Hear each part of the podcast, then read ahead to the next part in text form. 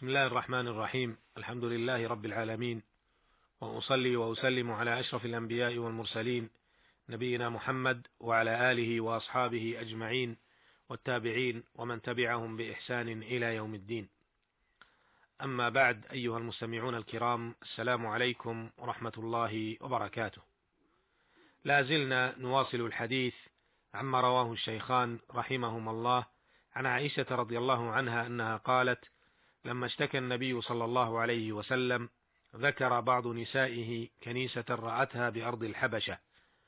يقال لها مارية وكانت أم سلمة وأم حبيبة رضي الله عنهما أتتا أرض الحبشة فذكرتا من حسنها وتصاوير فيها.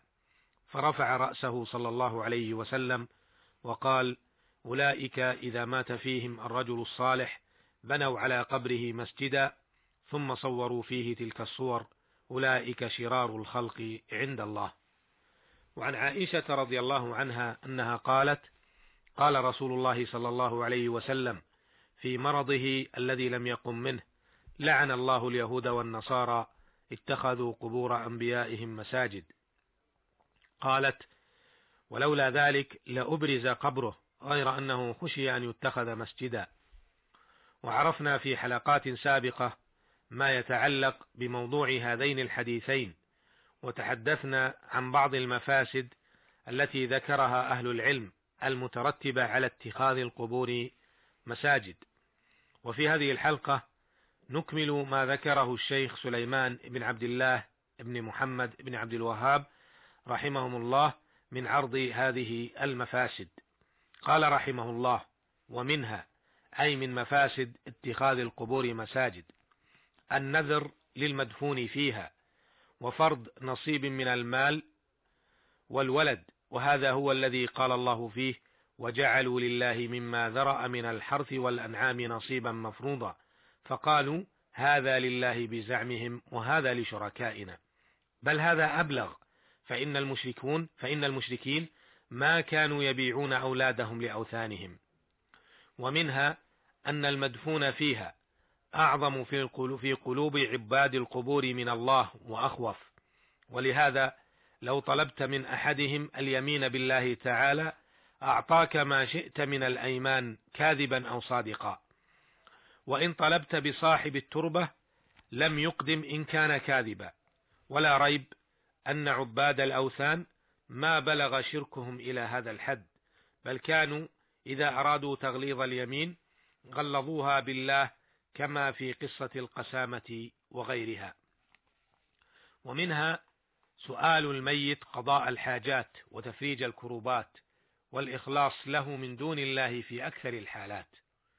ومنها التضرع عند مصارع الأموات والبكاء بالهيبة والخشوع لمن فيها أعظم مما يفعلونه مع الله في المساجد.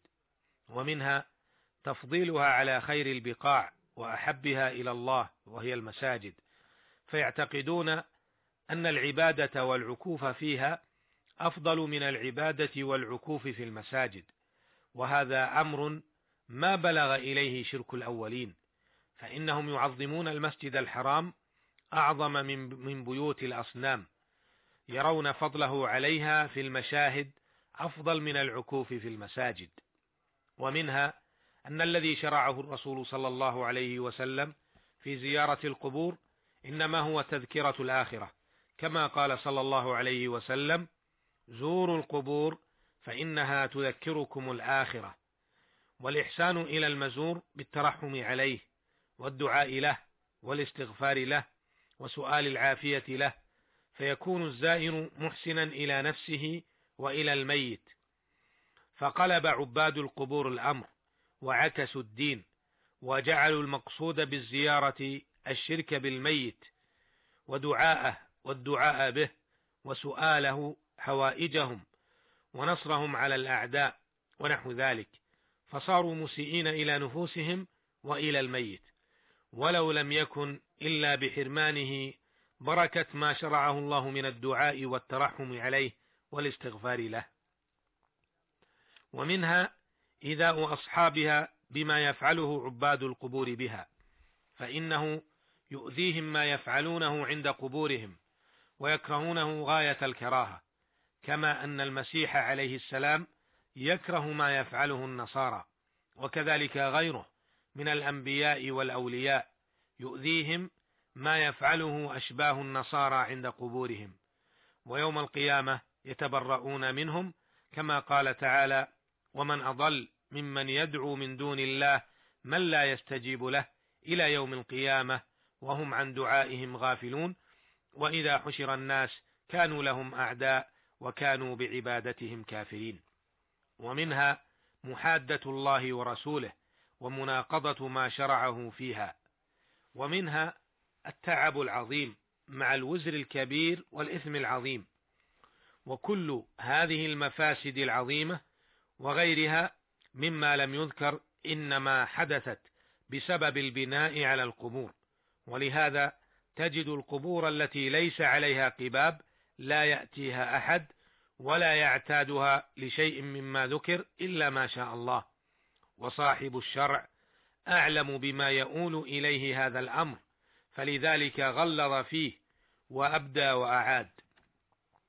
ولعن من فعله فالخير والهدى في طاعته والشر والضلال في معصيته ومخالفته والعجب مما يشاهد هذه المفاسد العظيمة عند القبور ثم يظن أن النبي صلى الله عليه وسلم إنما نهى عن اتخاذ المساجد عليها لأجل النجاسة. كما يظنه بعض متأخر الفقهاء ولو كان ذلك لأجل النجاسة لكان ذكر المجازر والحشوش بل ذكر التحرز من البول والغائط أولى وإنما ذلك لأجل نجاسة الشرك التي وقعت من عباد القبور لما خالفوا ذلك ونبذوه وراء ظهورهم واشتروا به ثمنا قليلا فبئس ما يشترون. انتهى كلامه رحمه الله تعالى.